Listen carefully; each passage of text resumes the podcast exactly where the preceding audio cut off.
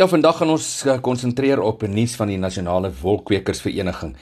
Die uh, Departement van Plaaslike Ontwikkelings en ook Omgewingsbestuur van die Umzimvubu plaaslike munisipaliteit, dis nou in die Ooskaap, Mount Freer, het uh, ook die potensiaal van wolskaapproduksie geïdentifiseer as een van die belangrikste bydraende kommoditeite tot die streek se ekonomie en hulle het ook gevolglik 'n vee-ontwikkelingsprogram van stapel gestuur tesame met 'n waarde toevoegingsprogram vir wolskape.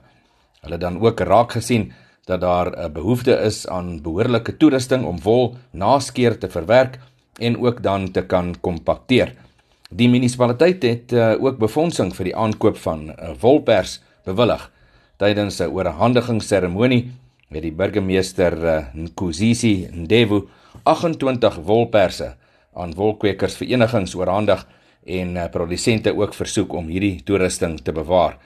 Dit is die derde oorhandiging van sy soort en Yama het dan ook die Umzimvubu plaaslike munisipaliteit bedank vir die 84 uh, wolperse wat alreeds sedert 2019 beskikbaar gemaak is. Goeie nuus en dit alles van die Nasionale Wolkwekersvereniging.